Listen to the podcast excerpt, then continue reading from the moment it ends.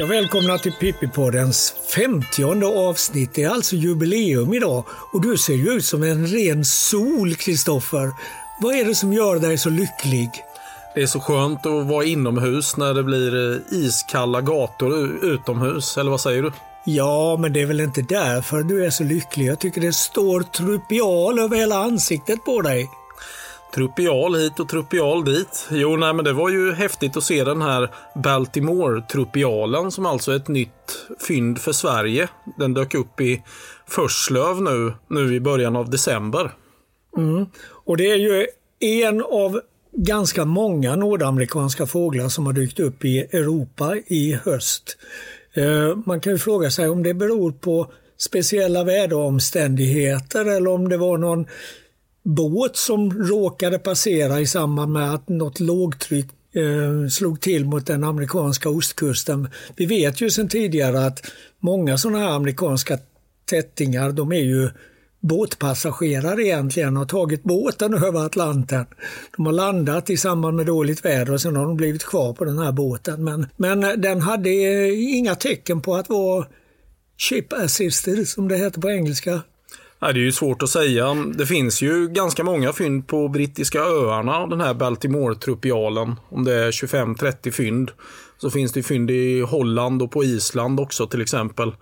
Så det verkar ju som att de kan ta sig hit med viss hjälp. Och den har ju en ganska lång och spetsig näbb så den verkar kunna leva ganska bra även genom att till exempel födosöka i askhängen och tujor. Så den kanske inte är så helt beroende av fågelmatningar ändå utan att den verkar klara av att hitta mat trots kylan ändå. Mm. Och eh, ja, Den här tropialen har ju lockat väldigt mycket folk till det här lilla samhället Förslöv och Förslövs IF har ju startat försäljning av korv, kaffe och bullar och allt möjligt och så har, tar de ju parkeringsavgift med. Jag tror de bara häromdagen hade sålt över 500 korvar. Så ja. vi får väl se om Lionel Messi går till Förslöv här framåt 2025. Eller vad tror du? Ja, det kan ju vara läge nu när han har vunnit allt som går att vinna utom den skånska gärdsgårdsserien. Eh, vi kanske ska säga det också att de här trupialerna det är ju ett fågelsläkte som bara finns i nya världen på de amerikanska kontinenterna. Men där är det ganska mångfacetterat. Det finns en massa olika arter. Och eh, just den här Baltimore-trupialen, eller den kallas väl också för nordlig trupial, ja. den eh, hör ju hemma i östra Nordamerika och flyttar till central och norra Sydamerika. Jag har själv sett den ganska, eh, vid ganska många tillfällen, i, framförallt i Costa Rica där den är rätt vanlig vintertid. Och det är ju en fågel som är lite grann av eh, kanske allätare eller lever lite grann som våra finkar. Den kan äta både frukt och, och, och fröer och insekter. Och eh, Det gör ju också att den har ju lite förutsättningar för att överleva även om det blir kallt här. Verkligen. Den heter ju Baltimore Oriole på engelska då, amerikanska. Det för ju tankarna till gylling och när man lyssnar på sången så är den ju väldigt visslig och gyllinglik.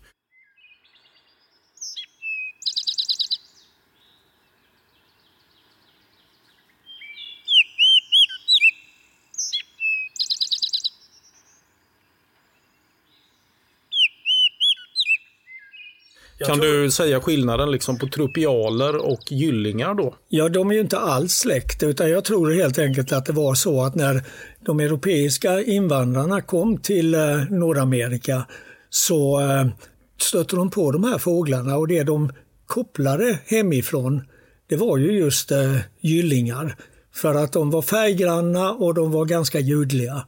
Precis som de här trupialerna. Oh. Så det är nog så det hänger ihop.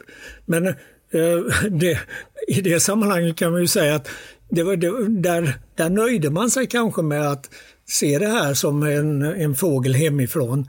Annars så fanns det ju en väldigt stark rörelse bland europeiska invandrare i USA att de ville ta dit euro, europeiska fåglar för att eh, känna sig mera hemma. Och det är ju någonting som eh, man ångrar bittert idag. Eller man, man tycker det är väldigt tråkigt att de gjorde så.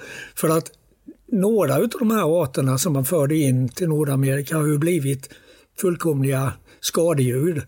Alltså staden, vår vanliga stad, är ju oerhört illa sedd i Nordamerika. Gråsparven är inte heller särskilt populär.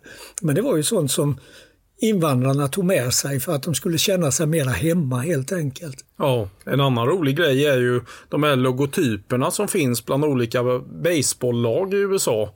Till exempel ja, hockeylag och basket med för den delen. Men till exempel Baltimore Orioles då har ju den logotypen. Mm. Men den snyggaste tycker jag är den här eh, Toronto Blue Jays. De har en väldigt snygg logotyp. Har du tänkt på någon annan snygg Nej, logga? Men de här eh, Blue Jays, det är ju en sanslöst vacker fågel som är man kan ju nästan säga att det är motsvarigheten till vår nötskrika. Och en ganska vanlig fågel som ofta dyker upp i trädgårdar också vid fågelmatningar vintertid. Nej, alltså jag, jag har väl mest tänkt på de här lite udda figurerna. Som Pittsburgh har ju ett ishockeylag som heter Pittsburgh Penguins. Mm. Och då kan man ju undra, vad i hela friden har pingviner i, i Pittsburgh Nej. att göra? Va? Annars är det populärt med sådana här Red Cardinals till exempel bland olika lag. Ja, och jag tror att det är åtminstone ett av fallen där de kallas för Cardinals, där finns inte ens den arten i, i den trakten. Sen finns ju också ett antal sådana här fantasifåglar som jag tror att i Seattle så har man ett lag som heter Seahawks. Mm. Det är lite grann som Malmös ishockeylag som heter Malmö Redhawks. Det finns ju ingen fågel som heter Redhawk på engelska. Nej. Alltså, hade det varit lite ordning på malmöiterna så skulle de ju heta Malmö Red Kites. Alltså för det finns ju ingen skånskare fågel än den röda gladan. Nej, alltså, ring till han Percy 90, nu. Ja, det är, Percy, det är Percys fel. Alltså 90-95 procent av Sveriges röda glador finns i Skåne. Jag åker den, ner den är, med 17 tyst nu med dig. Ja, förlåt. den är skånskare än vad storken är. Nu tycker jag vi döper om Malmö Redhawks till Malmö Red Kites. Därmed basta. Ja, visst. Men alltså rödglada, det är ju vanligare än eh, bofink i Tomelilla kommun känns det som va? Ja, det är ju i alla fall den rovfågel man ser oftast när man reser i Skåne idag. Ja. Man ser ju betydligt fler röda glador än ormvråkar och ska vi jämföra med sparvhöken som är vår talrikaste rovfågel så går det väl en sedd sparvhök på 50 röda glador eller något sånt för en tur i Skåne. Ja, men på tal om andra amerikanska arter som har kommit in. Man har ju pratat om att det skulle kunna dyka upp en amerikansk fågel på ett fågelbord i vinter. Och nu kom ju den här Baltimore-trupialen. Men det dök ju även helt oväntat upp en eh, sångsparv som fångades i näten på Jule fältstation utanför Växjö och det är ju verkligen Smålands innersta inland. Det var ju ja. en oerhört eh, häftig upptäckt. Och så har det ju varit en gul skogssångare i Danmark med. Så mm. Det har ju varit amerikanska arter på gång och det finns säkert fler att hitta. Jag tänker att det till exempel bara häromdagen hittades en rosenfink på ett fågelbord i Skåne hemma hos en fågelskådare. Mm. Det säger ju ganska mycket om hur mycket det finns att hitta. Ja, alltså om man bara gör jämförelsen med härfågel som är en udda fågel eh, och som inte är särskilt vanlig här. Nu pratar jag inte om vinterfynd speciellt utan härfåglar i allmänhet. Så de allra flesta härfåglarna som hittas, de hittas ju av icke-fågelskådare vanligt folk skulle man kunna säga. Mm. Och det, det kan ju ge en tankeställare. Om 90-95% av alla härfåglar hittas av icke-fågelskådare, hur många rosenfinkar, sångsparvar och annat smått och gott går oss skådare förbi? Ja, verkligen. Det har hittats en eh, svartstrupig järnsparv här i Halmstad en gång som aldrig kom ut till skådarallmänheten så att säga. Så det var ju lite synd. Det ja. kan ju hända sådana saker också. Mm. I det fallet så handlade det väl om att, eh, att villaägaren inte ville ha någon invasion av folk. Eh, det får man ju försöka ha förståelse för. Även om jag tycker att de senaste åren sådana här invasioner av människor till, till olika trädgårdar har visat att det går att lösa det på ett väldigt smidigt sätt. Jag hade ju själv erfarenhet av det förra vintern. Vi hade en dvärgsparv i vår trädgård i nästan tre månader. Det funkade ju oerhört smidigt och grannarna tyckte ju bara det var roligt egentligen att det var så mycket folk som stod där och smög i buskarna. Ja, det var verkligen häftigt. Nej, alltså i Förslöv parkerar ju folk vid den här Bjärevallen där man hade skottat upp stora ytor. Nu smälter väl snön snart. Och så kan folk då swisha 100 kronor till eh, den här föreningen då. Och så säljer de då fika som sagt med mera.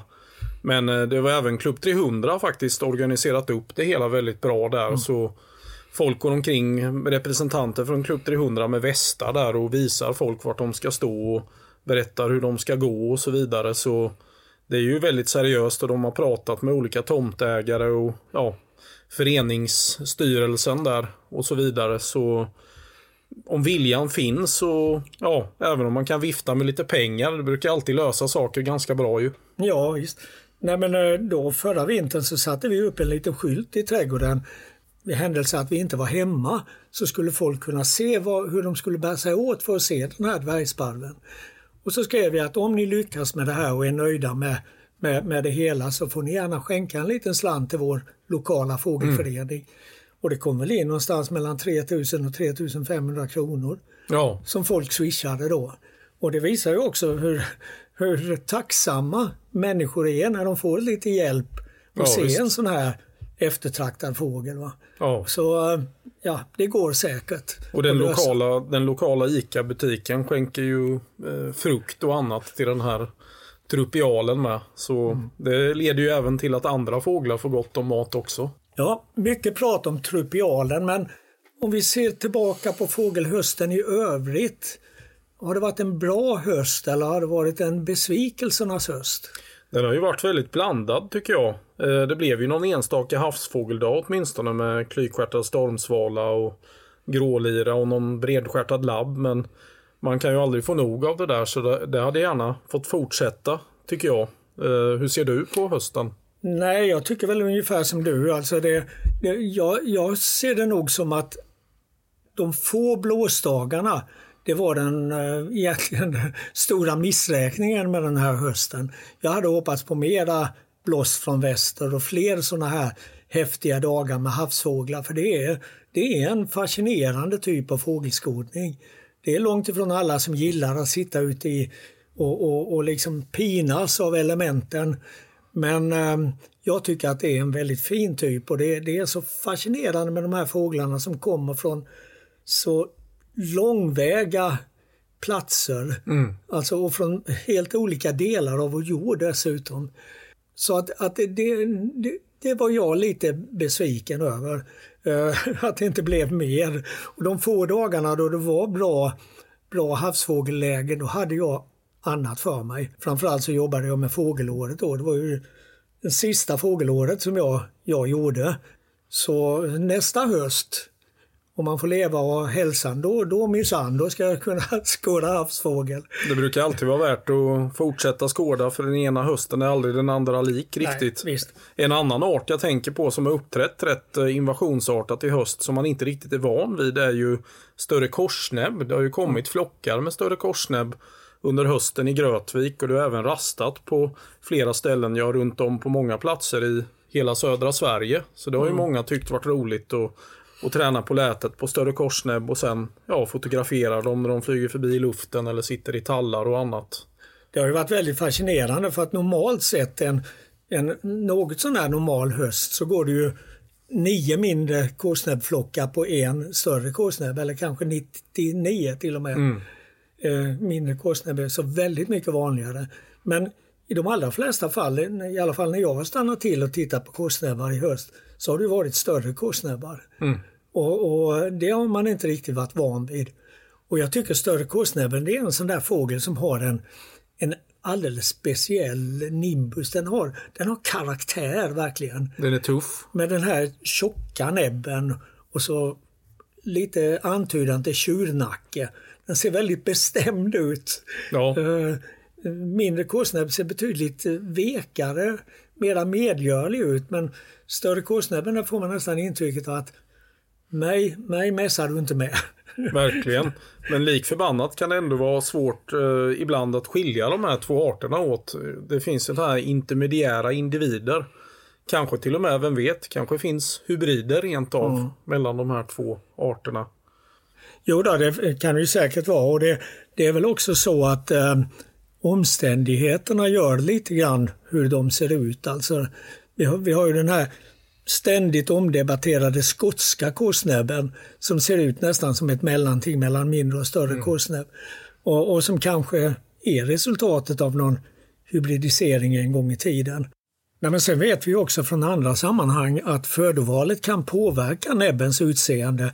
Det mest eh, kända exemplet på det är ju från Galapagosöarna där eh, två stycken forskare, ett eh, äkta par som heter Grant, har tittat på en av de här Darwinfinkarna.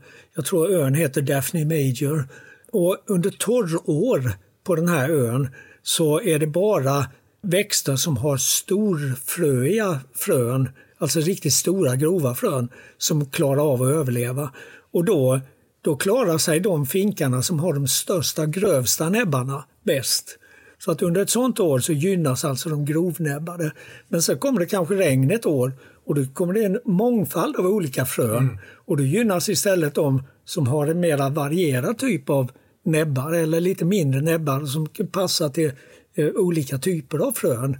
Så att där går det liksom upp och ner med näbbstorleken hos den här arten Darwinfink. Det är väl inte omöjligt att det kan finnas en sådan variation hos eh, korsnäbbar också, i alla fall hos den större korsnäbben. Ja, de verkar inte ha några problem att äta både grankottsfrön och tallkottsfrön, de Nej. båda arterna ju. Mm. Ja, och mindre korsnäbb äter ju gärna åtminstone bergtallskottar. Det ser vi ju i de här mm. berg, planterade bergtallsdungarna som vi har här längs kusten att det är ju ofta, ofta eh, mindre korsnäbbar som sitter och käkar på de kottarna.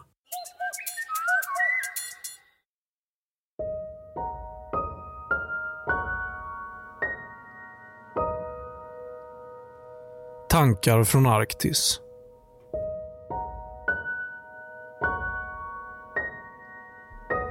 En dag kom en båt med fyra tvåbenta varelser. De klubbade ihjäl sälar, plockade med sig dem och försvann.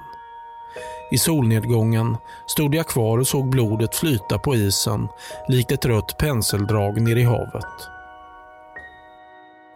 Dagen därpå kom samma varelser Helt plötsligt hördes ett högt skrik.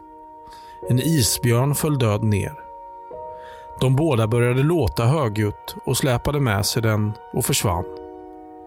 Jag var kvar när mörkret föll över det iskalla Arktis och kände mig allt mer ensam på min kontinent.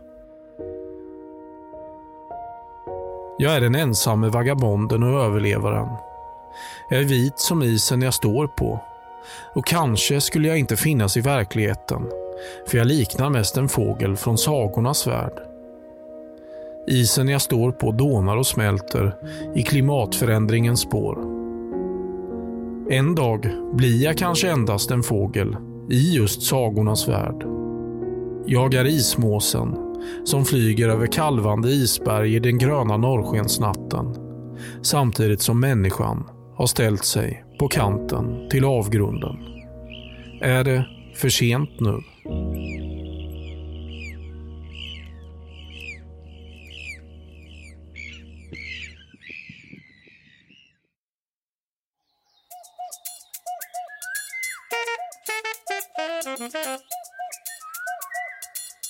En annan sak jag tänkte på nu för ett tag sedan var ju när vi såg en sparvuggla mitt på dagen på dagkvist vid Fylleån vid en bro här.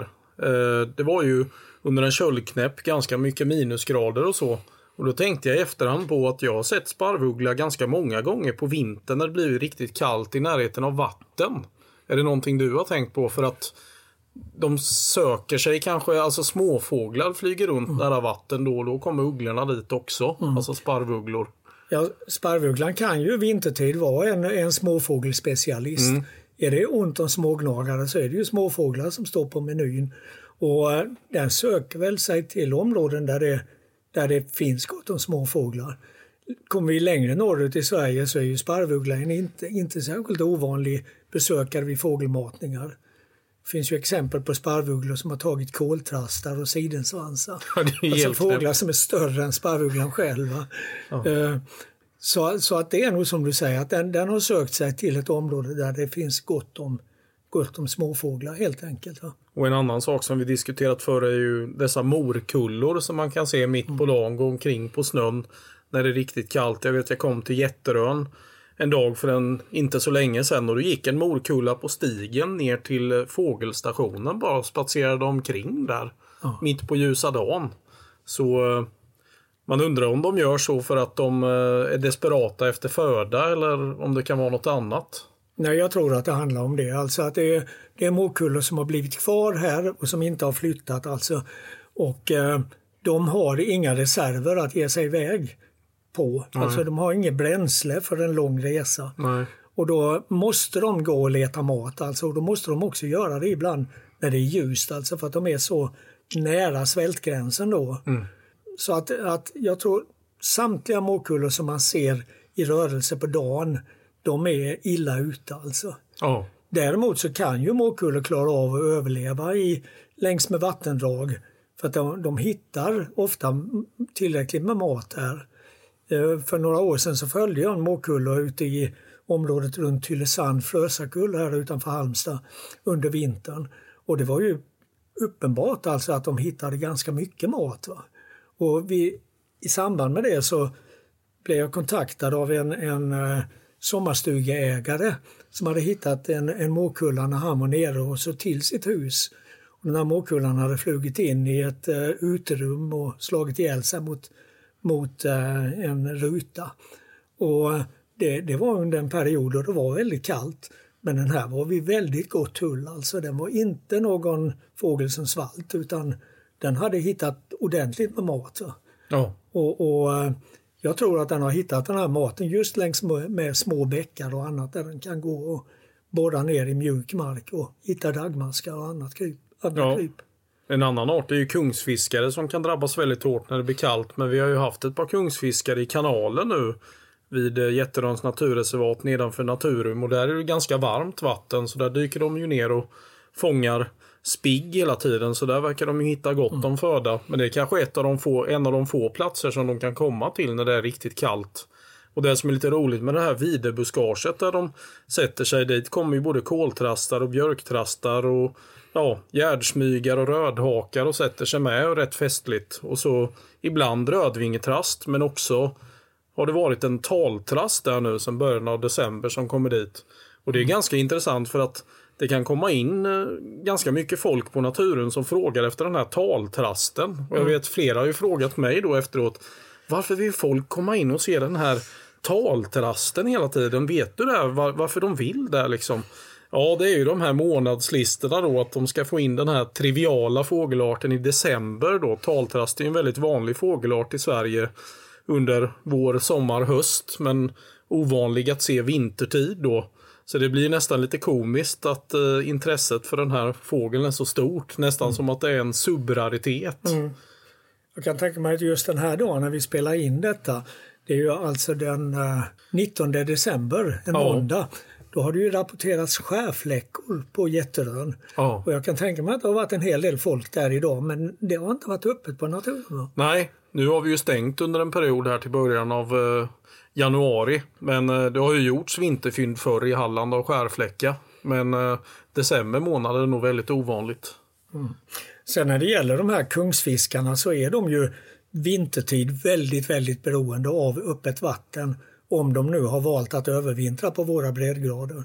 Och det är ju bara på ställen där det är öppet vatten av ett eller annat skäl som kanalen på Jätterön, det är väl avloppsvatten från reningsverket. Mm. Vi har motsvarande i Halmstad också och det finns på många andra ställen. Men jag läste en gång om en kungsfiskare i England som under en köldknäpp underhöll ett hål i isen. Ungefär som sälar har ett andningshål där de sticker upp huvudet. Så hade den här ett hål där den kunde krypa ner i vattnet och sen jaga fisk. Mm. Och, och, den klarade den här köldperioden tack vare att den underhöll det här hålet. Ja, på tal om hål så var det väl en rubinäktergal i Uppland nu som hade övernattat i ett litet hål nära en halmbal. Men den flög väl upp på morgonen och försvann därifrån mm. så det blev tyvärr inte så många som hann se den men ett litet gäng hann se den i alla fall. Men tillbaka till Kungsfiskaren. Jag har ju jobbat om med fågelåret eh, 2021 nu i höst. Och det var ju ganska uppenbart att den här köldknäppen vi fick i februari, eh, eller egentligen från slutet av januari till runt den 20 februari 2021, alltså förra året, den gick hårt åt Sveriges kungsfiskare. För um, det, det, var ju tre, nästan fyra veckor då det var ständigt minusgrader och ganska många minusgrader till och med. Och um, då, då, hade de övervintrande kungsfiskarna det oerhört tufft och de flesta strök nog med helt enkelt. För att eh, man ser när man går igenom observationerna av, av kungsfiskare att det är betydligt färre under 2021 och kanske också i år än vad det var innan dess, alltså 2019-2020 var det. Då hade kungsfiskarbeståndet i Sverige förmodligen en en sån här topp som var all time high. Ja, den hade ju också expanderat och tagit sig norrut, bland annat till Härjedalen till exempel och ännu längre norrut. Ja, Så. det sågs väl eh, kungsfiskare ända upp i Piteå vill jag minnas.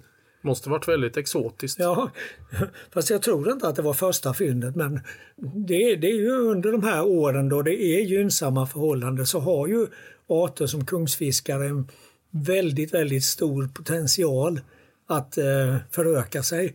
För de kan ju få flera kullar. Jag tror rekordet är fyra kullar ja, i Sverige. Vi har väl tagit upp det någon gång innan. De höll mm. på med sin fjärde kull i september månad någonstans utanför Västervik. Va? Ja, och på tal om sådana här stora kullar så måste vi ju komma in på det att under det gångna året så har det ju varit något av ett uppgångsår för gnagare uppe i norra Sverige.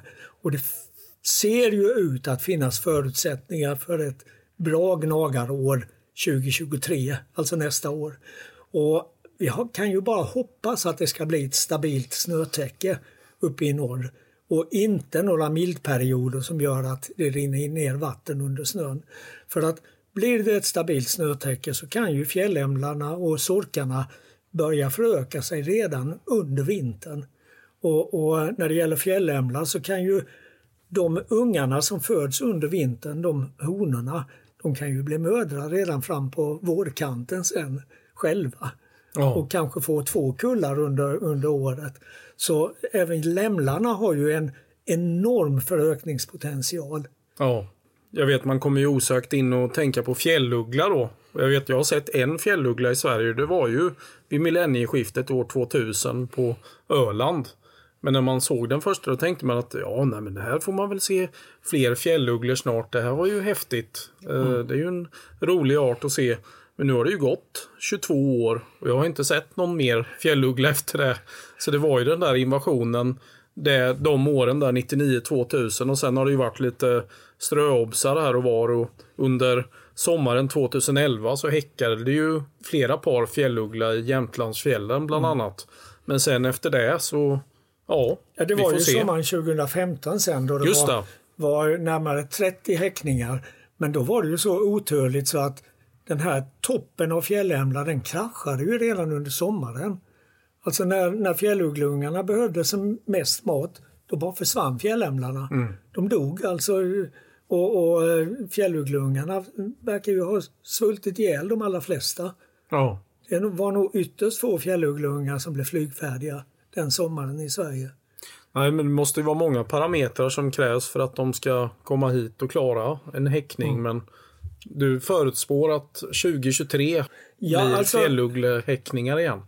Ja, ska man tro på de här gamla, gamla tecknen om att de topparna kommer var tredje, var fjärde år så hade vi alltså en topp 2011.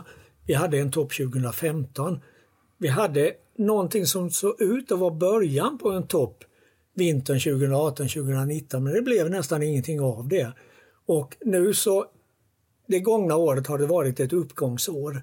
Man har pratat på vissa ställen i fjällvärlden var det mycket gnagare redan, redan i, i somras. Alltså, jag vet bland annat i Jämtland så var det mycket sorkar och det var ett, nästan ett rekordår för eh, häckande honugglor i Jämtland.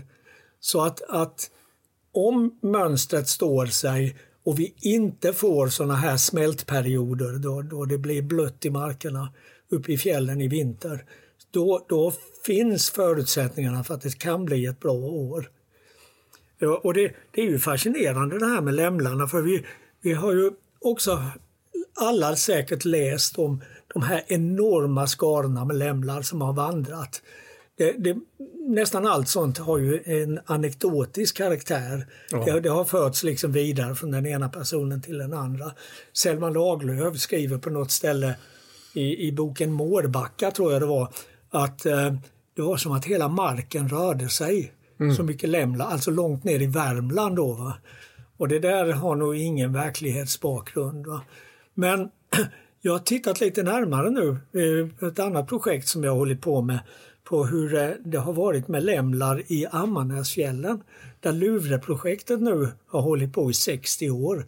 Det är ju, till våren så blev det ju 60 år sedan de startade. Ja, det är ju Sören. Svensson som har varit med ända från början mer Precis. eller mindre va? Precis, ja.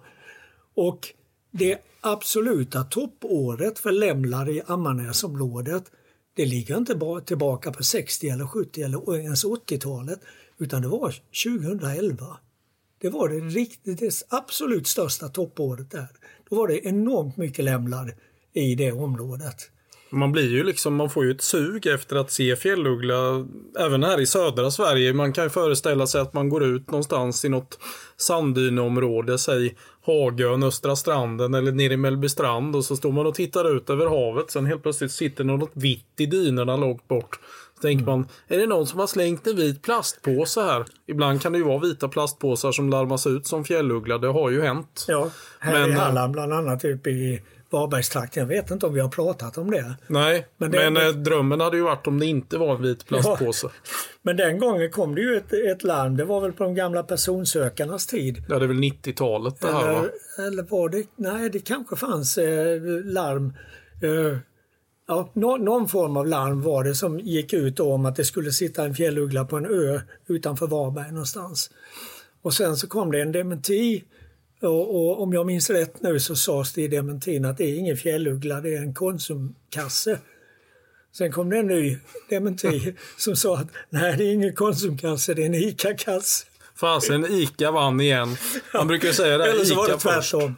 Man brukar säga det ICA först och sen kommer de andra på resten av platserna från fyra och neråt. Ja. Men eh, när du berättar om den enda, enda gången du har sett fjälluggla i Sverige så är det faktiskt så för mig också. Jag har bara sett en fjälluggla och det var, det var just på en ö utanför Varberg. Eh, men det var inte den gången när det blev en plastpåse av den. Det här var en fågel som satt ute vid Norra Näs på norr om Varberg.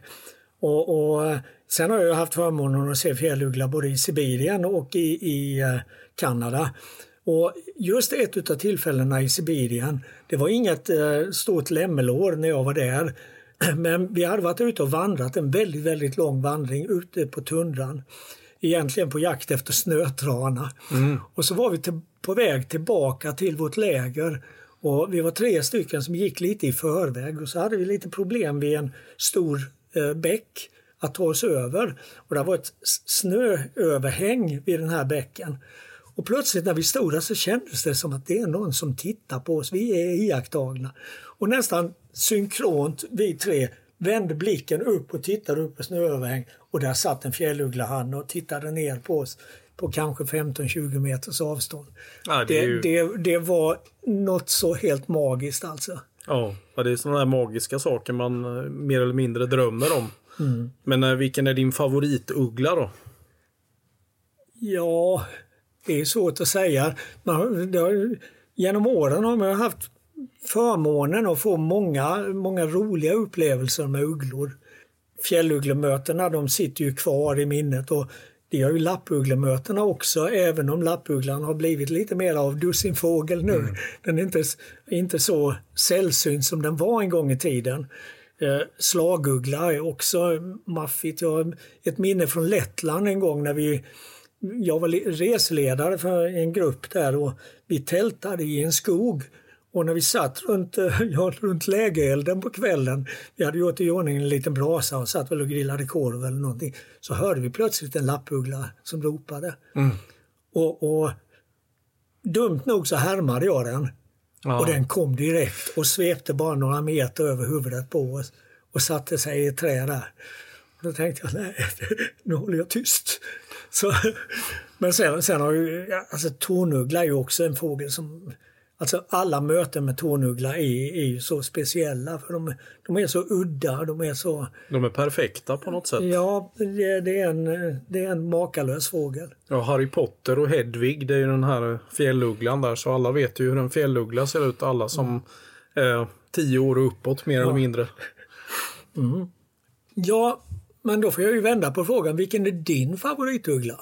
Ja, men jag tänker väl lite som du, men eh, det är ju också kring olika arter. Men jag hade stannat bilen i Vapnedalen och skådat ut det över ett fält. Jag skulle väl titta efter ovanliga trutar, leta kaspisk trut eller någonting sånt var det väl säkert.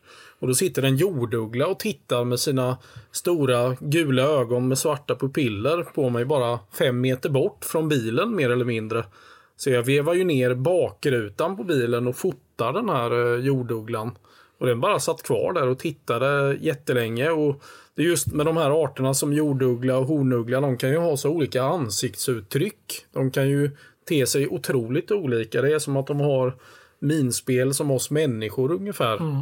Så den här satt ju och tittade väldigt nyfiket. Vi har ju vår katt Silvia med. Vi brukar jämföra hennes ögon med pärluggleögon. Det är ganska lika så. Eh, så katter och ugglor har ju ofta ganska lika mm. ögon. Men det är ju som du säger, fjälluggla, lappuggla, tornuggla, eh, slaguggla. Alla har ju sin väldigt häftiga charm och inte minst sparvuggla med förstås som ser så sur ut men är väldigt gullig samtidigt. Mm. Jag har en annan rolig upplevelse med en uggla och eh, en, eh, där jag faktiskt tycker mig kunna bekräfta någonting som har stått ibland i fågelböckerna och det är att när honugglor jagar, de jagar ju ofta flygande över ett fält, så knäpper de med näbben för att skrämma ut eh, fåglar eller sorkar. Och det där har blivit väldigt ifrågasatt. Mm. Men för många, många år sedan när jag jobbade på lokalradion och hade som ett litet andningshål i jobbet ett naturprogram som jag gjorde var 14 dag, så spelade jag in rätt mycket fågelsång. Och jag var just i den här Vapnedalen och stod och spelade in en kärrsångare när det, och då hade jag en, en stor gammal nagrabandspelare och en parabol. Och då kommer det en honuggla jagande i skymningen över ett fält. Och instinktivt så vänder jag bara parabolen mot den här honugglan och följer den. Och den knäpper med näbben mm. hela tiden och plötsligt så dyker den och då avslutas alltihop med ett skrik. En sork som den tar då. För sen lyfter den och flyger iväg med den här sorken.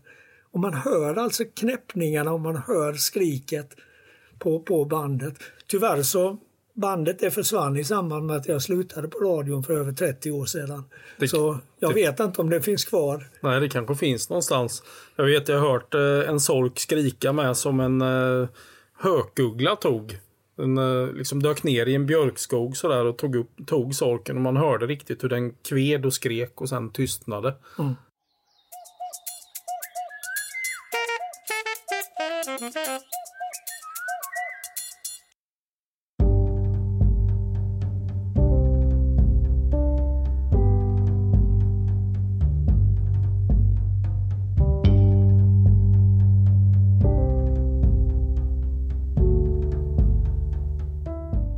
Ett minne från förr. Ett hav som en bucklig plåt vid Laxvik igår. Två timmar och två stenfalkar. Havsskum flyger in och klistrar sig fast på min jacka. Blir lite rädd. Så där rädd som man kan bli när ett plastbord nästan går sönder av att man sitter på det under fikat, men ändå inte gör det. Lättnaden efteråt. Det är kass vid de röda bodarna idag. Åker norrut på slentrian. Grå moln över bruna fält. Löven flyger upp på vindrutan. Spindeln i min backspegel har vävt ännu ett nytt nät. Den måste ha en vilja av stål. Lyssnar till Lou Reed som helt klart mer eller mindre återger temat för dagen. I see the sword of Damocles is right above your head. They're trying a new treatment to get you out of bed.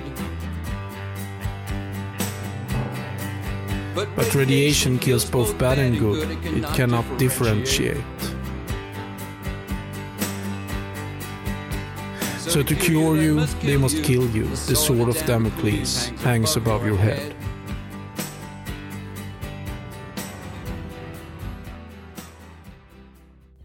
Mycket riktigt dagens tema. Väl framme i Skälviks hamn missar jag en ljus bredskärtad labb med några sekunder. Kämpar på, misströstar inte. Havet är grått, brunt och grönt. Grå himmel, sedan blå. Månsjok, efter ett tag klarare väder. Det känns vid det här laget som att jag borde börja bovla istället för att skåda fågel. Men har ännu inte insett det.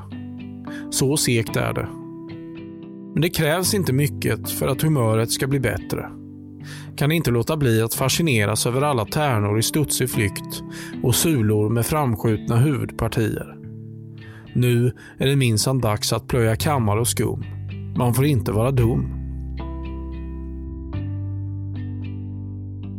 Larmet går. Balearisk lira i Glommen. Det tar väl en timme. Pirret i magen. Jag är tio i pyjamas igen och hoppas på en cykel i födelsedagspresent. Men kanske blir det bara en påse pallekuling. Spansvep mot nordväst, väst och sydväst. Ingenting.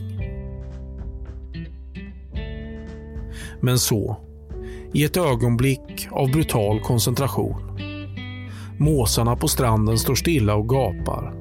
Ejdrarna sätter nästan blåmusslorna i halsen.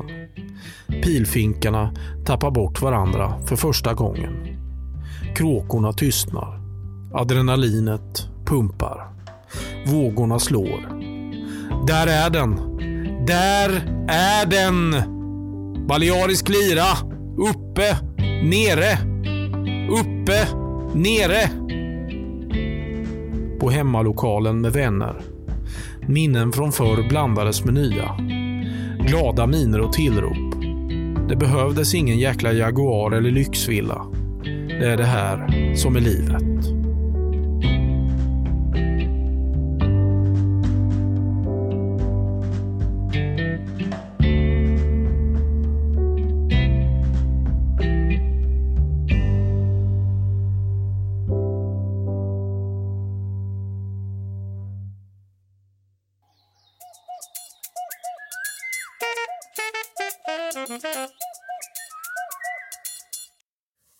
Det finns ju väldigt, väldigt mycket roligt i fågelvärlden.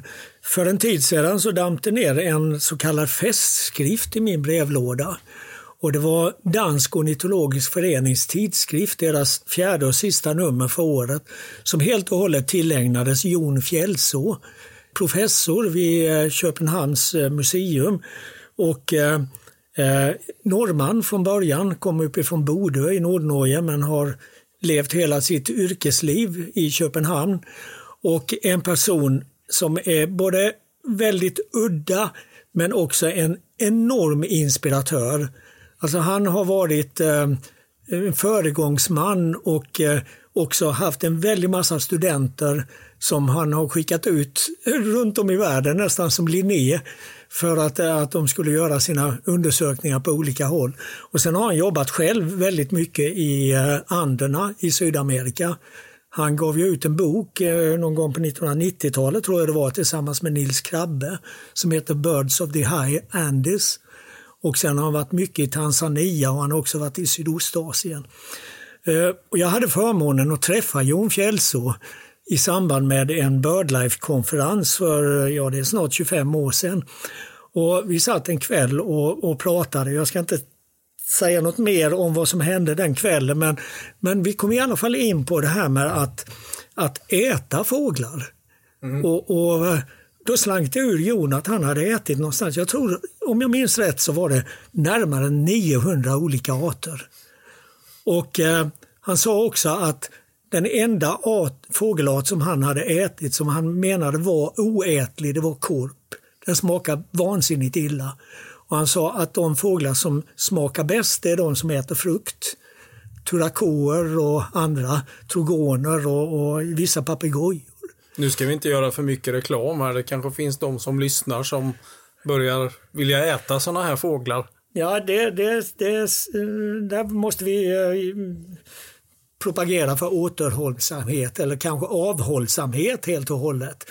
Men jag frågade ju naturligtvis Jon varför han hade ätit så många fåglar. Och då berättade han att när de var på de här expeditionerna så ingick det ju som i alla zoologiska expeditioner genom långa tider att man samlar på sig beläggsexemplar. Man fångar eller skjuter fåglar. Och han menade då att om vi skulle fånga fåglar och avliva dem för att skinnlägga dem och ha de här som beläggsexemplar. Då, då, det, det var inte okej att bara göra det, då skulle man också äta upp dem. För att då, de skulle komma till nytta. Och på så vis hade han då kommit att ätit, äta en massa fåglar. Ja. Och, och, och, det var väldigt, väldigt fascinerande att höra. Och jag, jag skulle ju tro att han, han måste ju ha världsrekord i, i det här antalet fågelarter som han har ätit. Han har inte blivit dålig någon gång när han har ätit en fågel då? Det, det förtäljer inte historien, men nej, jag vet inte. Har du ätit några vilda fåglar? Ja, det är ju frågan. Har jag gjort det mer än eh, kyckling och kalkon? Och de är ju Eh, inte särskilt vilda, i alla fall Nej. inte i Sverige. Nej, jag tror faktiskt inte jag har gjort det, men jag har eh, tänkt ibland när man till exempel ser en ringdua som har flugit in i ett fönster och ligger där dagsfärsk. Då skulle man ju lätt kunna bara plocka ut två eh, små bröstfiléer och ste steka till, men jag har väl inte riktigt haft moral att göra det. Men det händer ju här där vi bor. Det finns några fönster här där det ofta flyger in fåglar. Jag brukar lägga in dem på artportalen för det finns ju sådana här alternativ krockat med fönster till exempel kan man ju lägga in. Så forskningen kanske tar del av det. Det har varit nu i höst till exempel flera björktrastar som har flugit in i fönster här också. Men eh, Det- vilka det- fåglar har du hö- Ja, alltså ätit? björk, lär ju vara en fågel som är god att äta. Ja, det, på- tänkte jag på då med. Alltså. Eh, och den är ju också bärätare eller fruktätare. Nej, jag har inte ätit många fåglar alls. Eh, jag har ätit ripa, orre och tjäder. Eh, någon, någon typ av vildan som det ofta heter då i, på matsedlarna. Det var väl gräsand skulle jag gissa. Men eh, jag har en god vän som är jägare, eller han var jägare, han har slutat jaga nu. Eh, men när jag frågade honom en gång så sa han att den, den fågel som han tyckte var godast, som han hade ätit, det var järpe. Och eh, tvåa kom kricka, Okej. enligt hans eh, utsagor. Då. Men eh, Inte de krickorna som har varit i Halmstad reningsverk då kanske? nej, jag tror inte det. Fast, eh, ja, de har ju lite konstiga matvanor eftersom de flyger in i reningsbassängerna och äter det som har passerat osmält genom vår matsmältningskanal. Va? Och som hamnar i reningsverket. Men, men det är tydligen ganska mycket mat för det finns ju ett hundratal krickor numera som övervintrar i, i Halmstad reningsverk.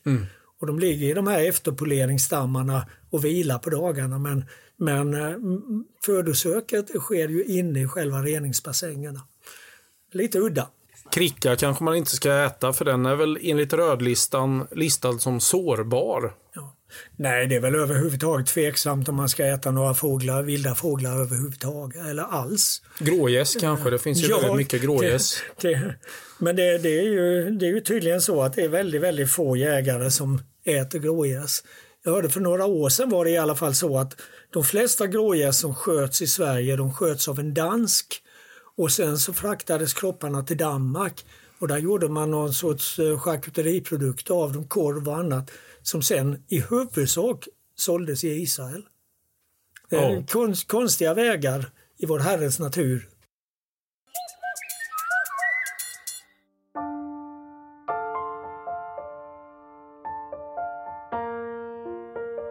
Århundradets fågel.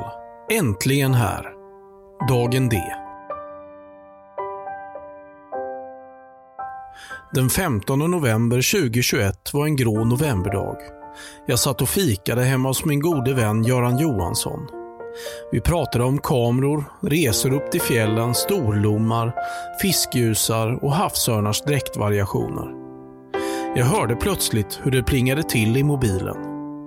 Tog upp den ur fickan. Där stod namnet på den fågelart som hela Skådarsverige hade väntat på i alla år.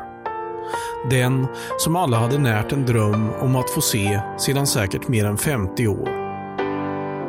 Den heliga graalen hade anlänt. Jag kunde inte riktigt ta in det, men jag kände hur det började pirra i magen. Benen började nästan röra på sig av sig själva. Jag kände hur jag blev mer och mer okoncentrerad och tappade intresset för vårt samtal. Det var länge sedan något sånt här hade hänt mig.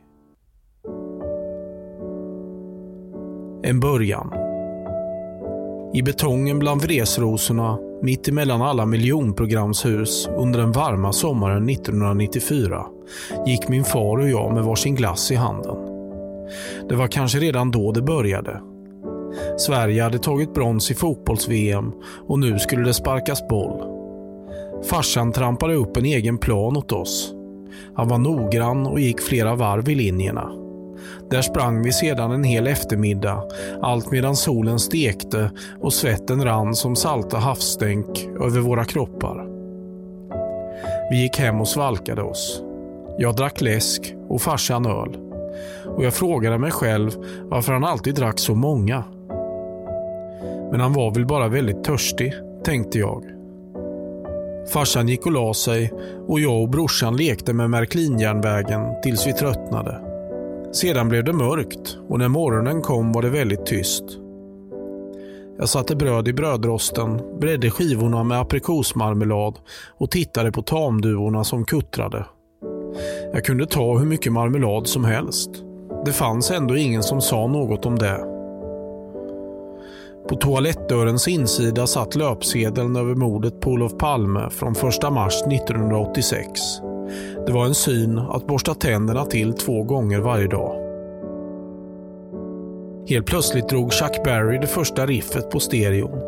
Farsan hade gått upp. Jag trampade på en ölburk på köksgolvet och mötte hans blick där ett finurligt leende uppenbarade sig.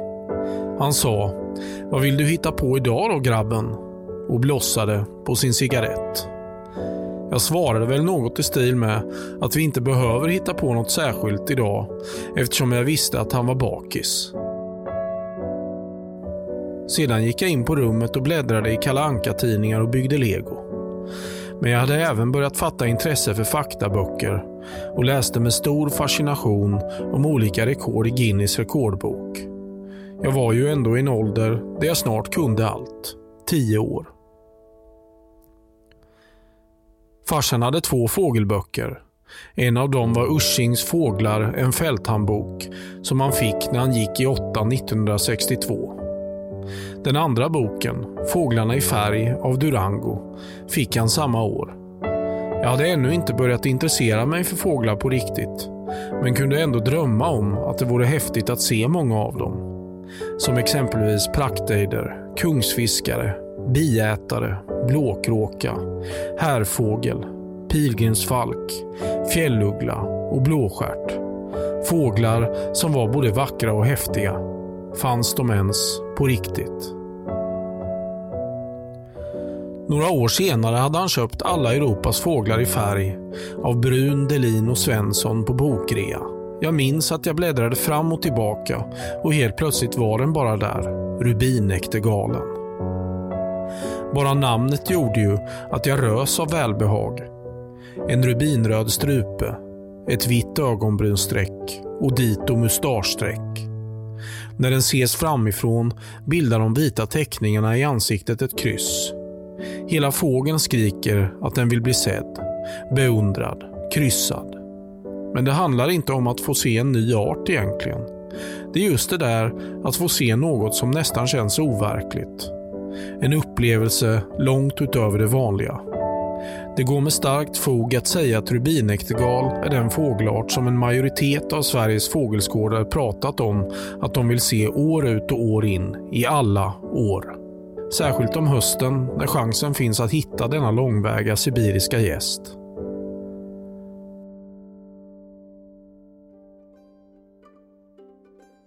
Det är ju en rubinäktergal. Det gick inte att hålla sig längre.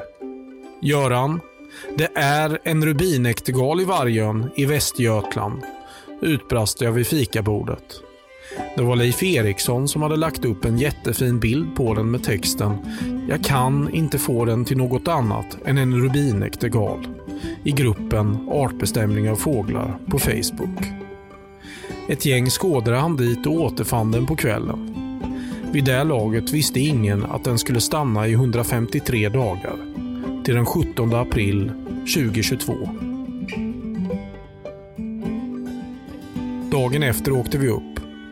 Det var hur mycket folk som helst i villaidyllen i Vargön.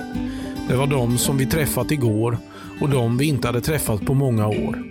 Läkare, advokater, sjuksköterskor, lärare, naturvägledare, kockar, fågelkonsulter, lagerarbetare, pensionärer, snickare, studenter, fotografer, hundar och allmänna dagdrivare.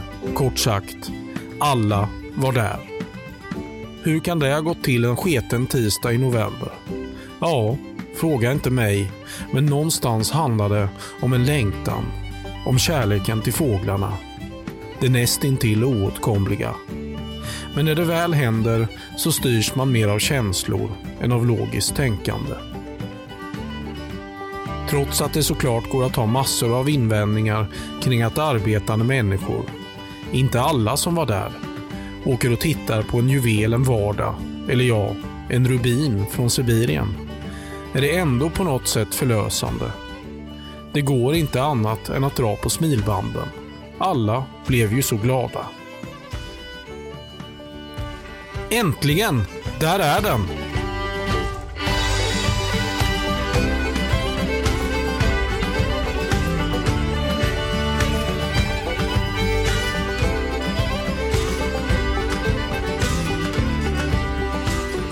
Alla hade längtat. Alla ville se den. Rubinen från Sibirien. Efter ganska kort väntan hoppade den fram och lockade. Mitt hjärta slog några extra slag. Den röda strupen lyste upp den grå novembermorgonen. Ett sus gick genom publiken som om den höll konsert inför tiotusentals fans. En suck av lättnad. Vi hade sett den. Jag försökte fotografera den så gott det gick i det trånga folkhavet. Sedan mingel, leenden och skratt. Coronapandemin pågick ännu för fullt och det var precis det här alla behövde. En dag när vi för en stund kunde glömma allt. Det har aldrig funnits en fågelindivid i vårt avlånga land som har setts av så många. Över 2300 personer har lagt in rubinäktergal på Artportalen. Men det slutar inte där. Räknar vi in alla som inte rapporterar, plus alla som till vardags inte håller på med fåglar, så blir det säkert mer än det dubbla. Frågan är bara vilken fågel som blir vår nästa heliga graal. Jag vet vilken min är. Men det tar vi när den kommer hit.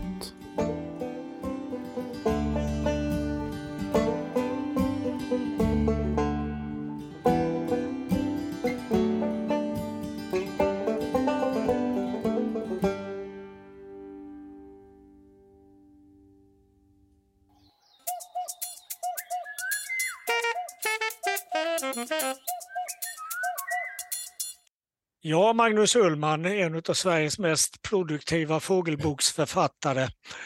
Du kommer med en ny bok nu lagom till jul om fåglarnas färger. Varför? Varför, varför skriver man en bok om fåglarnas färger? Ja, det, det, är klart man gör. Varför skulle man inte göra det?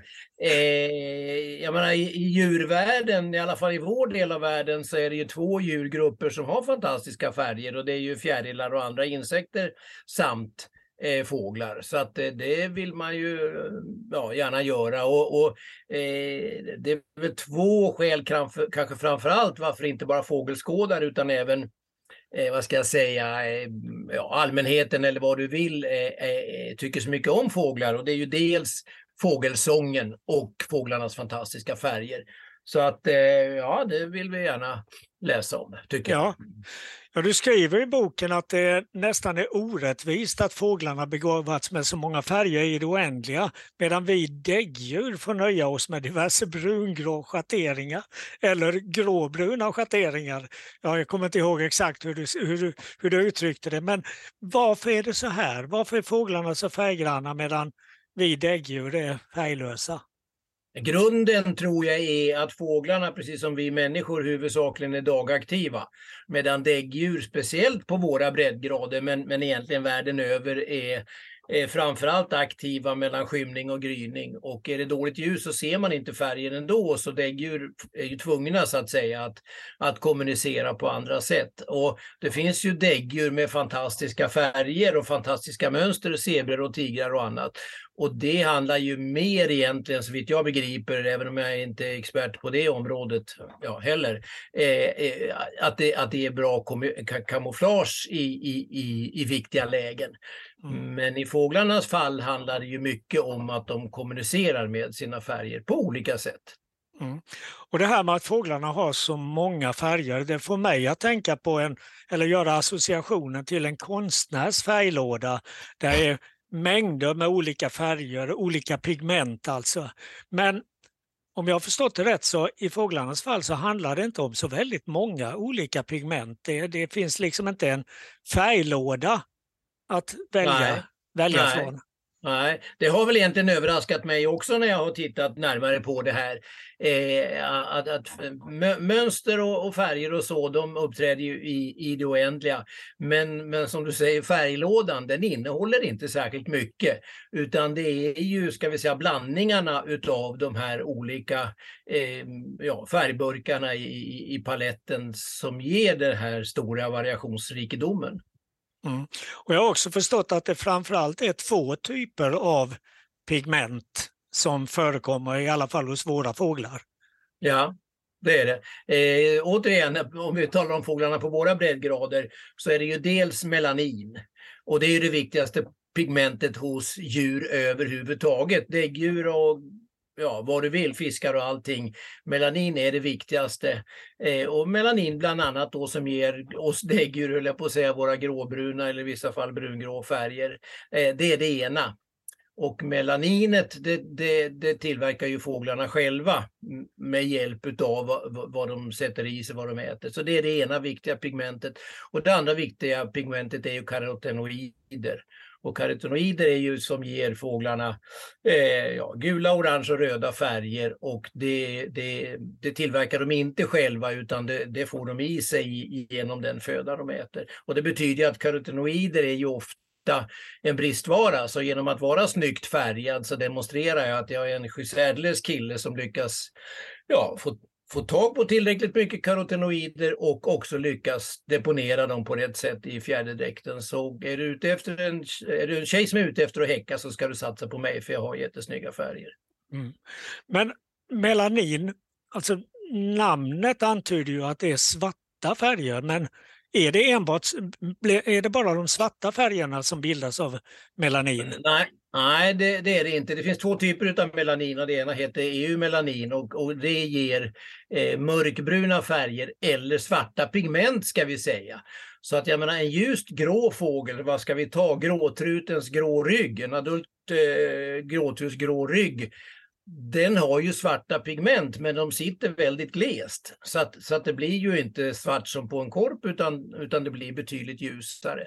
Eh, så det, det är ena typen utav, utav melanin och den andra typen heter feomelanin och det, den ger ska vi säga jordtoner från, från gulbrunt via mm, ja, kastanje, eh, kastanjebrunt och, och, och den typen utav kulörer och eh, eh, inom parentes sagt även den typen av pigment som har gett Pippi Långstrump hennes eh, röda hår. De, de här melaninerna de ger ju långt ifrån bara korpsvarta färger utan väldigt mycket annat. Mm. Ja. Och sen när det gäller karotenoiderna då, då tänker jag liksom på det gamla uttrycket för morötter, karotter. Ja. Men det är mer än brandgult alltså, det är inte bara orange färger om vi använder ett annat uttryck. Eh, nej, eh, utav de här eh, karotenoidfärgerna så är ju orange den, den, den mest sällsynta och den vanligaste som man ser i fågelvärlden är ju gula färger. Blåmesens eh, gula bröst, Eh, talgoxens gula bröst är ju gult karotenoid. Och även röda karotenoider är ju, är ju relativt vanliga, rosenfink och ja, i olika schatteringar då, tallbiten som ju är mer hallonröd och så vidare. Men det är ju karotenoider som de får i sig via, via födan. Och ju, som sagt, i våra, på våra breddgrader, orange är ju direkt sällsynt eh, faktiskt, men i tropiken är det lite vanligare. Mm. Men sen finns det ju fåglar som är gröna och som är blå och de här färgerna de, de saknas i färglådan, i pigmentlådan. Ja. Hur förklarar det, du det? Ja, det är lite lustigt. Blå, blå, blått pigment har aldrig någonsin konstaterats hos fåglar. Och hur kan de då vara så himla blå? Ja, eh, och, och, då handlar det om fjäderns struktur, att fjädern bryter dagsljuset eller solljuset på ett visst sätt så att eh, de olika färgerna som ingår i, i, i det vita ljuset eller solljuset eh, spjälkas upp med hänsyn till sina våglängder. Och en, en blå fågel då som, ja, säg en blåtrast till exempel, där eh, genom fjäderns konstruktion så eh, absorberas nästan alla utav de här våglängderna, gult och orange och, och, och rött och, och, så vidare, absorberas. Så den enda färgen som, som reflekteras, det är de kortaste våglängderna, det vill säga, det vill säga blått. Så att vi upplever den lika blå som om den hade varit målad blå med, med, med en blå pensel. Men de gröna färgerna då? Ja, de är ju ännu mer komplicerade. Det finns grönt pigment hos fåglar, men det är väldigt sällsynt. Några få, eh, några få arter och det lustiga är ju att en av de den, den gruppen där, där det verkligen finns gröna pigment, det är ju de fyra arterna ejdrar, alltså inklusive alförrädare. De är gröna, vår ejder till exempel då på, på, på, i nacken och, och det är verkligen grönt pigment.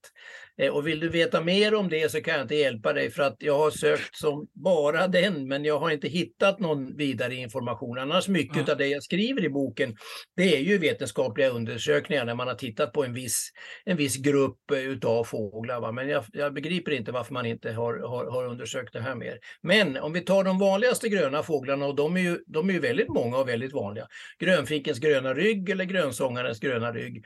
Så är de en kombination då utav det gula pigmentet, den gula karotenoiden som ryggen är beströdd med, plus att de har då liknande fjäderstruktur som blåtrasten som då reflekterar det blå de, de blå våglängderna inom solljuset men absorberar det övriga. Och blandningen av gult och blått, det blir då eh, grönt. Så, att så, så skapas de gröna färgerna för det mesta. Fast det är då egentligen olika funktioner eller hur man ska uttrycka det. Det ena är pigment ja. och det andra eller... är ljusbrytning. Ja, det är verkligen avancerat alltså. Ja. Det, det, det, det, kräver ju både att du ska ha laddat ner och fått i dig föda med rätt gula pigment och du ska ha en fjäderdräkt som är helt intakt och som då på ett snyggt och prydligt sätt sorterar eh, det vita solljuset så att det bara reflekterar det blå. Mm. Men det är ju så, färgerna är ju hela tiden, i, inte minst i samband med häckning då, du ska visa dig eh, på styva linan jämfört med en hona, så är ju färgerna och inte minst då Dels de här så kallade strukturfärgerna som blått är och även karotenoidfärgerna är ju viktiga för att visa att jag är en toppenkille, jag är i god form, jag är frisk och jag är pigg och jag har inte infektioner och allt, allt sånt. Mm. Så, att, mm. så hänger det ihop. Ja, och när vi är inne på det här med gröna och blå färger så kommer jag att tänka på en skata som satt här ute på min fågelmatning för en liten stund sedan. Och när ljuset föll på den så skimrade den i alla möjliga färger. Den var mycket mer än både, bara svart och vit.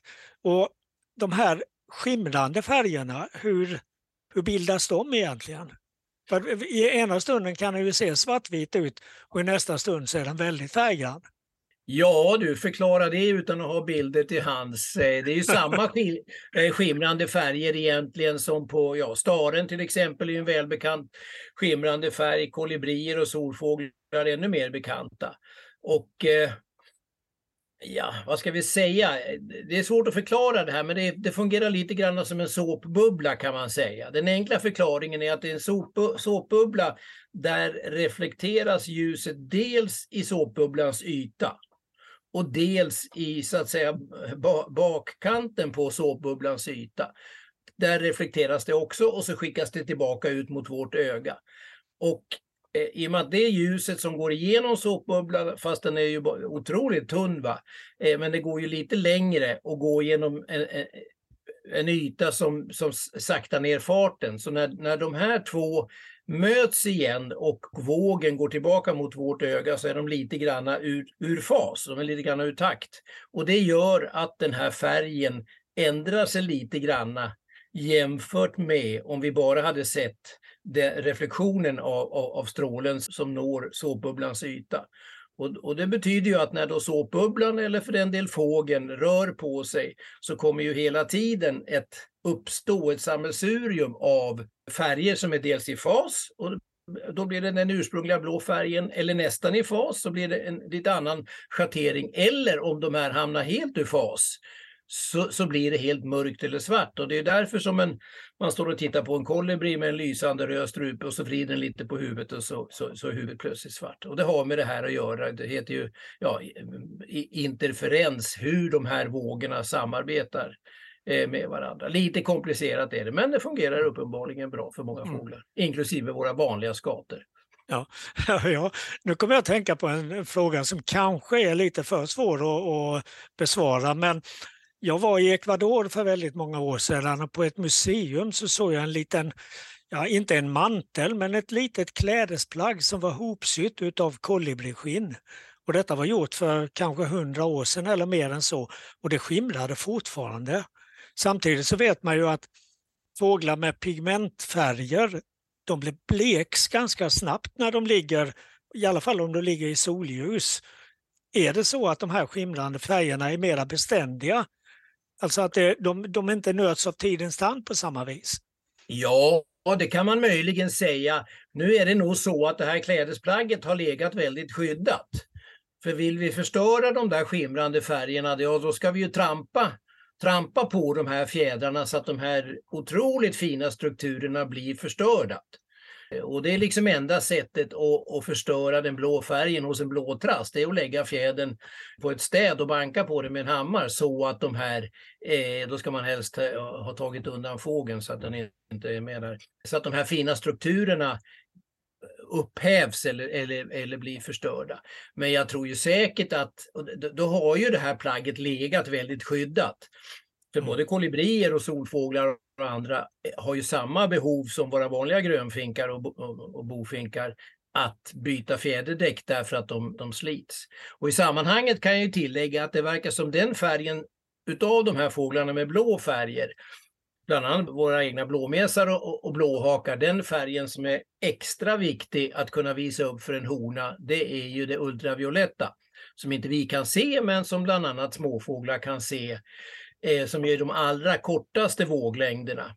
Eh, så det tycks särskilt viktigt att kunna visa upp ett fint spektrum av ultravioletta färger. Och, och, det har jag tolkat egentligen som att det, där är det ju liksom extra noga med att min fjäderstruktur även i minsta, minsta, minsta detalj är perfekt för att jag ska kunna uppvisa det här.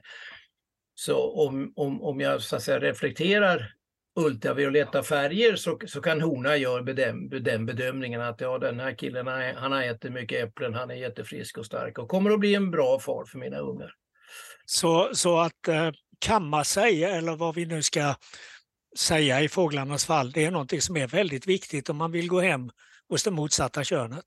Absolut, och där finns, ytterligare, finns exempel på allting. Det finns ytterligare ett exempel hos gulhämpling så är det ju så att den gula intensiteten är, är det viktigaste för att gå hem hos honorna. Och då har man sett att de hannar som verkligen är rejält gula, mustigt gula, intensivt gula, de lägger mer tid. Generellt lägger fåglar ungefär 9 av, av, av tiden på att putsa fjäderdräkten. Men hos de här riktigt gula hannarna, de lägger mer tid på att vad heter, vårda fjäderdräkten och putsa sig och hålla den ren och fin och i ordning jämfört med blekare gula hannar. Och, och det är inte så att honorna bedömer och hur mycket tid lägger han på att, eh, att kamma sig och, och raka mustaschen utan, utan det är just att de värderar de hannarna som är gulast och de lägger också mer tid på att upprätthålla det här. Vilket ju mm. visar återigen att, att ja, det är verkligen viktigt att, att uh, hålla sig fräsch och fin. Mm. Du har ju också under senare år i eh, bland annat Vår fågelvärld skrivit väldigt mycket om olika färgfel hos fåglar. Eh, det finns ju en vanlig uppfattning hos allmänheten i alla fall att en vit fågel är en albino. Men det tar du också upp i boken här och så är det alltså inte. Albino är väldigt ovanligt bland fåglar. Har jag förstått det ja. rätt? Ja, ja jag har aldrig själv sett en, en, en albinofågel i det vilda. Och att de är så ovanliga, det beror inte på att det är färgfelet i och för sig är ovanligare hos nykläckta fåglar än, än andra färgfel, utan det beror snarare på att, eh, att eh, de kan ju inte producera melanin alls. Och vi behöver ju melanin i, i ögat, vår regnbågshinna som ju fungerar som en ja, slutaren på en kamera för att stänga ute för mycket ljus. Den, den är ju på baksidan försedd, försedd med melanin. Även botten på ögat, eh, näthinnan där är försedd med, med melanin. Och, och, de här kan inte producera melanin överhuvudtaget och det beror ju för enkelt uttryckt på att de blir råbländade från början och får alltså sämre, sämre syn, Eh, får även sämre djupseende, vilket ju leder till att då, antingen är det de som ryker först när sparvhöken kommer eller som inte inser att det kommer en bil så de blir dödade i trafiken eller någonting. Så det är skälet till att just albinofåglar är så väldigt sällsynta i vilda. Så de albinofåglar som finns, det är ju nästan alltid fåglar i fångenskap, alltså som man har ja, tagit hand om och fött upp och ja, underhåller av ett eller annat skäl. Men, men fåglar kan bli vita ändå, alltså även om de inte är albino? Fåglar kan bli vita ändå, ja. Och det är framförallt en, en av de här eh, färgfelen som ger, eh, kan ge eh, helvita fåglar. Det vanligaste är väl, om de är helvita så är det väl kanske att de har färgfelet ja, antingen levsism eller, eller ino. Och de här fungerar ju alla på olika sätt och de har lite grann olika orsaker. Och, och som regel är det ju så att de fåglar, om man går in på Artportalen till exempel, förr var det ganska vanligt att folk kallar dem albino, men nu har de väl lärt sig att de inte är albino. Nu kallas de som regel eh, leucistiska, men de är ganska ovanliga också. Eh, så att ofta är det ju något, något annat färgfel och en, en del av dem, eh, jag har med till exempel två stycken unga ladusvalor i boken va? och de ja, kan ju liksom se vita ut men de är inte totalt helvita utan de har en svag, svag ton utav ja, beige eller någonting. Och då, då, då, är det från början redan uteslutet att det är albino för de är verkligen vita som, som, som bröstet på en mos. Mm. Du har ju också vid olika sammanhang och även i boken nu eh, tagit upp en bofink som exempel. En bofink som är ganska många eller har blivit ganska gammal vid det här laget för att var en småfågel. Och, och den blir bara vitare med åren. Ja, eh, det är ju det här färgfelet som heter gradvis grånande. Det som är lite speciellt med det, det är ju att det, eh, för det första att det inte uppträder hos juvenila fåglar utan först ett, åtminstone som ett år gamla, många gånger långt senare. Och det ena är att de så att säga blir, ofta blir de vitare och vitare eh, efterhand. Den här fågeln, den bilden som är med i boken, där är det väl minst fem år, så nu nu verkar den inte bli vitare och vitare så att säga, men jämfört med de första bilderna, det har ju legat bilder både på Artportalen och i vår fågelvärld, där har den vitnat mer och mer eh, eh efterhand. Eh, men annars, eh, det här färgfelet som heter leucism till exempel, som utmärks bland annat av att det ofta är väldigt symmetriskt och vingspetsarna är involverade och så, det ändrar sig inte, utan det beror på att de här i, i folliklarna där, där fjädern växer ut, de har inte förmåga att ge, alltså sprida melanin till fjädern. Så det ändras inte år från år utan den melanincellen som sitter i huden där och som inte fungerar, den sitter på sin plats. Så de ändrar sig inte år efter år, utan, men gradvis grånande gör det. Ja. Mm. Sommaren som gick så hade vi en eh, smådoppingkull i en sån här ganska publik våtmark och en av ungarna var inte helt vit, men nästan vit. Okay. Och den växte upp och blev eh, fullvuxen. Ja. Och, och, och, eh, I det fallet kan det alltså inte ha handlat om gradvis grånande då eftersom den, den var liksom vit från början. Stämmer bra, kan det inte ha gjort. Nej, nej helt rätt. Helt. Vad, har du någon idé om vad det kan ha varit? Ja, syskonen var normalfärgade alltså? Ja, Ja, just det. Det är väl inte ovanligt att det där skiljer sig i kullen. Och lustiga med den här ladusvalarna, de var ju säkert syskon de, de två ladusvalarna. Eh, men det var någon som hade varit och tittat på dem före mig där och som hade bedömt att de hade tre riktigt färgade syskon också.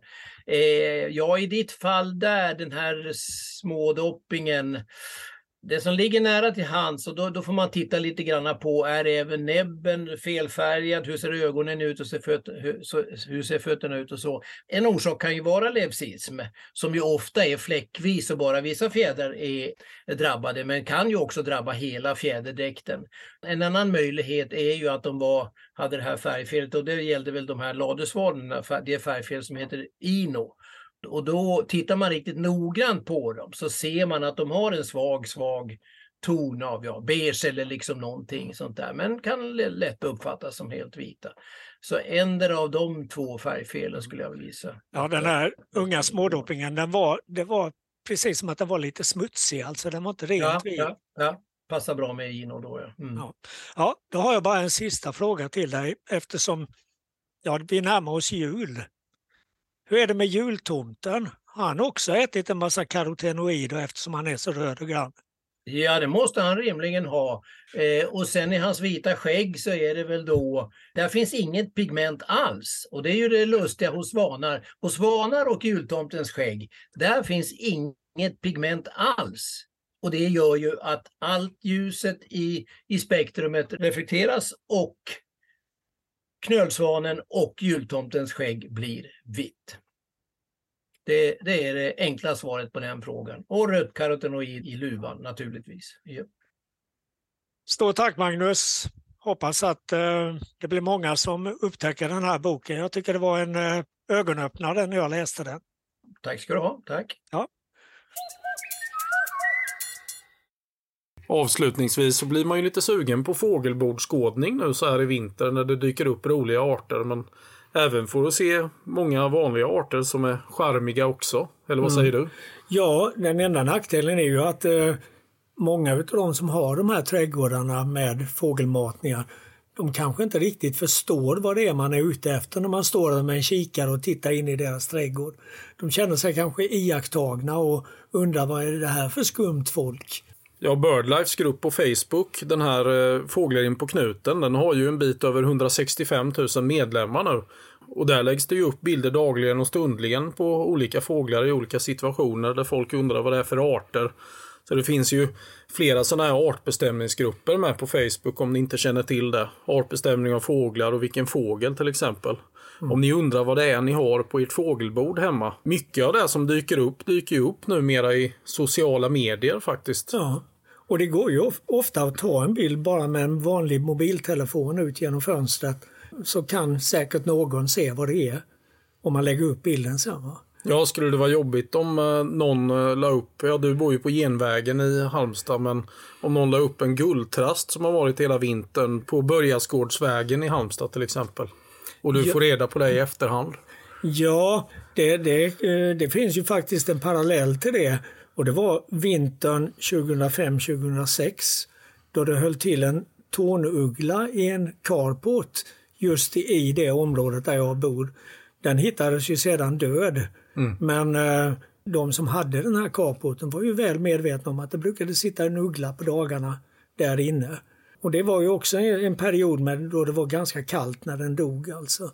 Så eh, Ja, nej det där vill jag inte uppleva igen. Nej. Det tycker jag inte. Ni som har något hemma, ni ska veta att det finns mycket pengar att tjäna.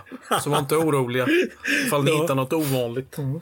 Men då, sen är det ju så att nu står vi också ganska snart inför ett årsskifte. Och då blir ju alla fåglar som nya igen. Ja, det är ju lika roligt eh, varje år.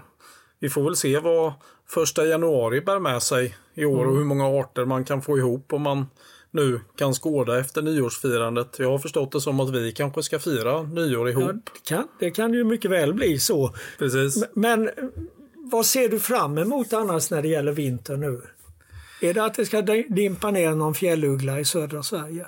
Alltså vintern är ju eh, inte min eh, favorittid eh, på året, det får jag väl villigt erkänna. Men samtidigt så är det ju kul att leta runt på lämpliga platser efter olika intressanta arter. Till exempel längs stränder här runt Halmstad eller i Hallandstrakten överhuvudtaget. Piplärkor är ju alltid ett intressant ämne. Vattenpiplärka till exempel. Ja, man letar kanske efter någon man letar kanske runt och så hittar man någon övervintrande vattenpiplärka någonstans. Drömmen hade ju varit kanske en hedpiplärka eller mongolpiplärka eller någon helt annan art som håller till längs någon strandremsa här i Halland. Mm. Om jag har förstått det rätt under alla de år som vi har känt varandra så är januari en månad som du brukar trivas med men februari det är, din, det är ditt stora mörker. Ja, är det då, så? Ja, då är det ju verkligen vinter och det är verkligen liksom rätt så dött. Åtminstone första två tredjedelarna av februari. Ja, allt som hade nyhetens behag i januari det i gamla repriser då. Jag vet många fågelskådare brukar säga att februari är en bra månad att resa utomlands på. Så det kanske man skulle göra lite mer. Men vad tycker du om vintern? Du har ju så många andra sidom Du har ju flera andra sidintressen som att åka långfärdsskridskor och sånt till exempel. Ja men det är så sällan man har möjlighet att göra det här nere så nej, jag, jag föredrar nog ändå ganska milda vintrar. Mm. För det är ju så väldigt mycket mer fåglar då. Fåglar är ju viktigare än långfärdsskridskor. Det är ju bara så. Det är skönt att höra. Ja, men då är det väl dags att runda av det här med att önska alla våra lyssnare en god jul och ett gott nytt år. Och jag måste ju också fråga dig, vi har ju gjort 50 avsnitt nu. Blir det ett 51 avsnitt? Det hoppas jag verkligen att det blir. Men kanske inte att vi blir som USA-podden som sa att de skulle göra sådär en 50 avsnitt och nu har gjort en bra bit över 500 avsnitt. Den tiden har vi ju inte och det är ju dessutom ideell, obetald tid som vi håller på med det här bara för att vi tycker att det är så roligt va? Ja, så ge er till tåls. Vi kommer tillbaka.